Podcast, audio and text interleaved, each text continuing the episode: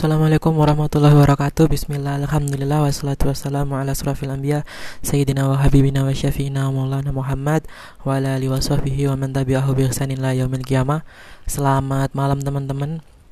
Pada kesempatan kali ini kita akan membahaskan Akan melanjutkan pembahasan kita uh, Dengan tema sejarah dinasti Umayyah. Pada episode ke-6 ini kita akan membahas tentang bagaimana uh, ada momen-momen yang menguntungkan untuk Yazid naik tahta dan beberapa upaya Muawiyah bin Abi Sufyan untuk melancarkan uh, pemahkotaan atau melancarkan pencalonan Yazid sebagai uh, khalifah setelahnya. Yang di sebelum episode sebelumnya kita telah membahas bagaimana lahirnya ide untuk mengangkat Yazid sebagai khalifah. Teman-teman bisa membuka di episode sebelumnya. Baik, uh, kita tahu setelah uh, Muawiyah berbulat tekad atau menyempurnakan niatnya pada tahun 50 Hijriah, Muawiyah mulai melancarkan berbagai manuver politik atau langkah-langkah politik ke segala penjuru untuk uh, membuat jalan atau menyediakan jalan agar Yazid ini bisa dijadikan putra mahkota. Di episode sebelumnya kita kan sudah membahas eh, hal-hal uh, uh, yang uh, menjadi latar belakang atau siapa saja yang memberikan ide atau usulan kepada Muawiyah untuk mengangkat Yazid di sebagai seorang khalifah. Nah, kemudian setelah Muawiyah menyempurnakan tekadnya dengan semua uslan itu, dia mulai melakukan banyak langkah politik untuk memuluskan uh, maksudnya tersebut. Langkah pertama yang dilakukan Muawiyah adalah mencetuskan rencana ini, maksudnya pengang pengangkatan Yazid bin uh, Muawiyah ke uh, apa itu lingkungan umat Islam. Maka ia memerintahkan Dahqa bin Qais yang merupakan salah seorang pendukung setianya Muawiyah yang sudah mengabdi pada Muawiyah sejak lama untuk menyampaikan e, niatan Muawiyah itu untuk mengangkat Yazid sebagai khalifah seterusnya ke ke ruang publik dengan cara yang sangat ya mungkin cara yang bisa diterima oleh masyarakat Islam. Kalau kita mengutip bukunya e, siapa itu Ali Audah yang berjudul Ali bin Abi Thalib sampai kepada Hasan dan Hussein. Uh, beliau menceritakan bahwa dalam sebuah kesempatan setelah Muawiyah itu selesai berpidato, Dahak tadi, Dahak, Dahak tadi, Dahak bin Qais itu meminta izin kepada Muawiyah untuk menyampaikan sesuatu hal yang menurutnya penting kepada hadirin saat itu. Jadi setelah diizinkan oleh Muawiyah, maka Dahak ini uh, muncul dan memulai pidatonya dengan memuji Allah dan memohon kebaikan bagi Muawiyah. Kemudian ia juga mulai memuji-muji Muawiyah dan kemudian uh, mulai uh, menyampaikan kecemasannya, menyatakan ke kecemasannya bahwa bagaimanapun Muawiyah adalah manusia yang biasa. Suatu hari ia akan mati juga. Dan oleh karena itu sudah saatnya bagi masyarakat Islam, bagi umat Islam untuk memikirkan tentang pengganti Muawiyah. Dalam hal ini Dahak itu mengatakan bahwa hanya Yazid bin Muawiyah yang paling tepat menggantikan kedudukan ayahnya dan kemudian dia mulai me, e, melontarkan pernyataan untuk memuji-muji Yazid dan kemudian diakhiri dengan permintaan kepada hadirin yang hadir saat itu untuk ikut mendukung pendapatnya yaitu mencalonkan Yazid atau menyepakati Yazid sebagai khalifah pengganti Muawiyah. Tapi ada kisah lain, ada riwayat lain uh, yang dikemukakan oleh apa itu Akbar Najibah di dalam bukunya The History of Islam volume kedua. Beliau uh, memberikan kisah lain bahwa disebutkan ada uh, kisah deklarasi pertama itu Deklarasi pertama terhadap Yazid dimulai pertama kali ketika Muawiyah memanggil semua gubernur ke wilayah kekuasaannya di Damaskus. Menurutnya sejak memulai pidato dia, Muawiyah itu sudah terlebih dahulu menyampaikan niatnya secara langsung kepada delegasi yang hadir saat itu kepada para gubernur.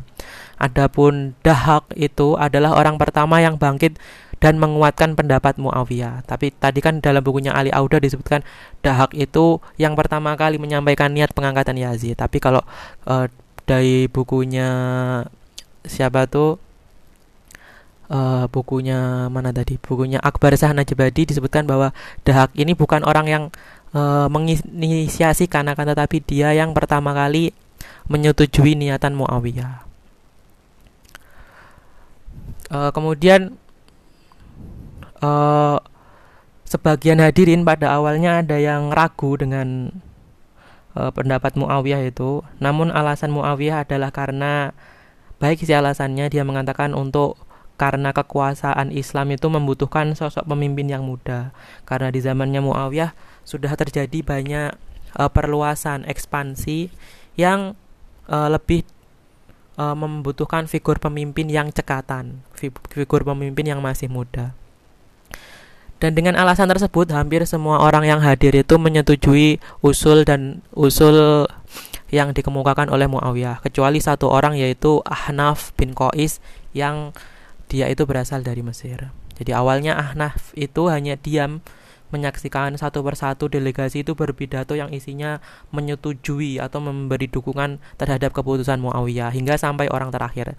Maka Ahnaf ini ketika gilirannya tiba ia pun tidak mengucapkan apa-apa kan. Tetapi Muawiyah merasa memiliki hal yang urgent. Jadi e, merasa berkepentingan meminta pendapatnya Ahnaf terkait masalah ini. Mengingat Ahnaf itu adalah orang yang berpengaruh dan memiliki kedudukan yang tinggi di tengah-tengah kabilahnya. Jadi Ahnaf itu teman-teman adalah berasal dari kabilah Bani Murrah, Bani Tamim sama seperti Abu Bakar dan sangat dibanggakan oleh sosoknya oleh dan Ahnaf itu maksudnya dibanggakan oleh sosok kabilahnya. Jadi dia orang yang dituakan dan memiliki reputasi ketika ia menyatakan memeluk agama Islam, maka berduyun-duyun orang dari Bani Tamim itu mengikuti jalannya karena e, ketokohannya.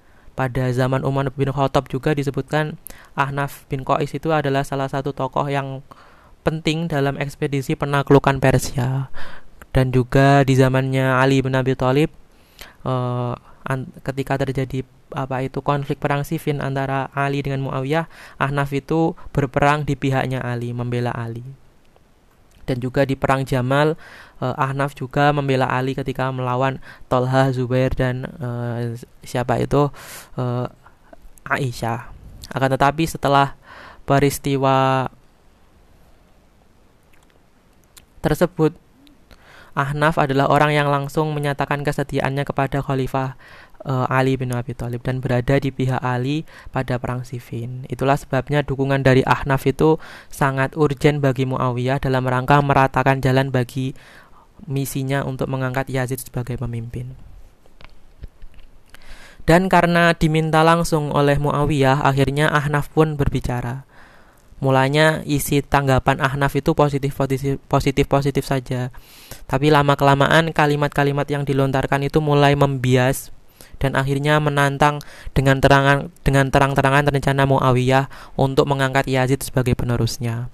Ia secara belak-belakan tuh menyatakan bahwa keputusan yang dilakukan Muawiyah itu adalah bentuk pengkhianatan terhadap isi perjanjian dengan Hasan bin Ali dan kaum muslimin jelas menolak hal tersebut. Jadi kalau kita meruntut ke belakang ketika terjadi apa itu penyerahan tampuk kekhalifahan dari Hasan kepada Muawiyah salah satu syaratnya adalah setelah Muawiyah itu mangkat proses pemilihan um apa itu khalifah itu diserahkan kepada umat Islam. Tidak diatur oleh siapa pun. Jadi dengan Muawiyah itu mengangkat Yazid itu secara langsung dia membatalkan atau mengkhianati perjanjian itu dan Ahnaf itu juga mengingatkan Muawiyah bahwa Hasan bin Ali itu memiliki pendukung yang sangat setia dan akan mati-matian membela Hasan.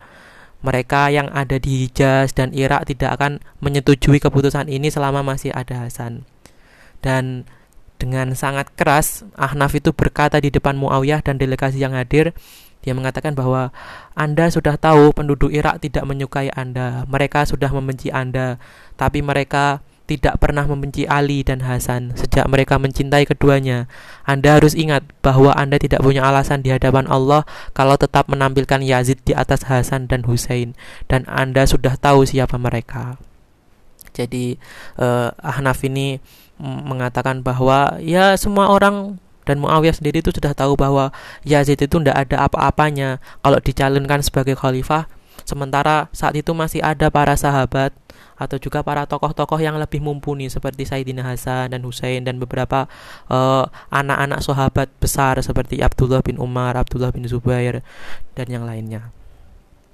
Ketika mendengar pidato itu, Dahak tadi yang merupakan pendukungnya apa itu pendukungnya Muawiyah itu marah dan dengan mengatakan bahwa penduduk era adalah orang-orang munafik, terpecah belah dan bodoh.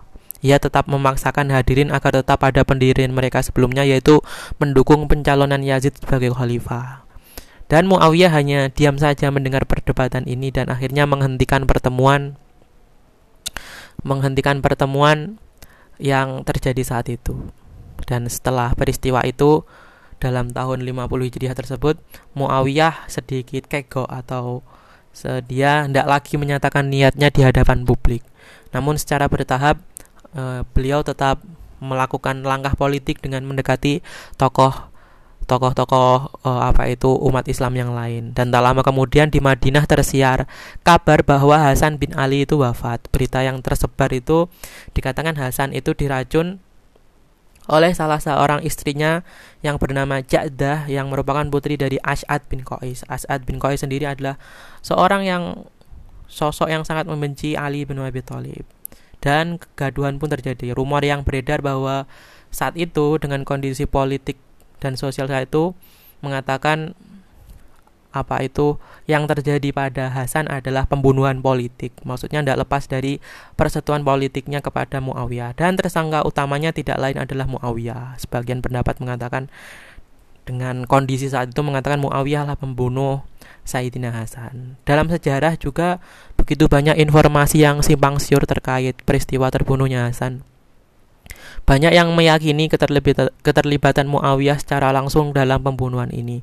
Akan tetapi tidak sedikit juga yang membantah hal tersebut. Bahkan menurut Muhammad Ridho, uh, beliau menyatakan bahwa Ibnu Khaldun, sejarawan Ibnu Khaldun pun meragukan keterlibatan, keterlibatan Muawiyah karena bagaimanapun tidak ada seorang yang sanggup membayangkan bagaimana seorang khalifah kaum muslimin dapat melakukan perbuatan sekeji dan sangat pengecut kepada seorang yang sangat mulia yaitu Hasan bin Ali. Sedang bagi yang meyakini bahwa Muawiyah itu pembunuhnya, memang sangat sulit untuk membantah keterlibatan Muawiyah dalam peristiwa ini. Dan data yang disebutkan memang sedemikian rinci termasuk disebutkan juga jumlah uang yang dijanjikan oleh Muawiyah hingga kesepakatan untuk meminang Ja'dah bagi Yazid bila Hasan bin Ali terbunuh. Jadi Ja'dah itu diiming, diimingi oleh Muawiyah bahwa kalau seandainya dia bisa membunuh Hasan maka Ja'dah itu dinikahkan dengan anaknya Yazid. Dan kalau dinikahkan dengan anaknya Yazid tentu masa depannya kan terjamin karena Yazid kalau seandainya Hasan terbunuh dapat dengan bebas melenggang sebagai seorang khalifah.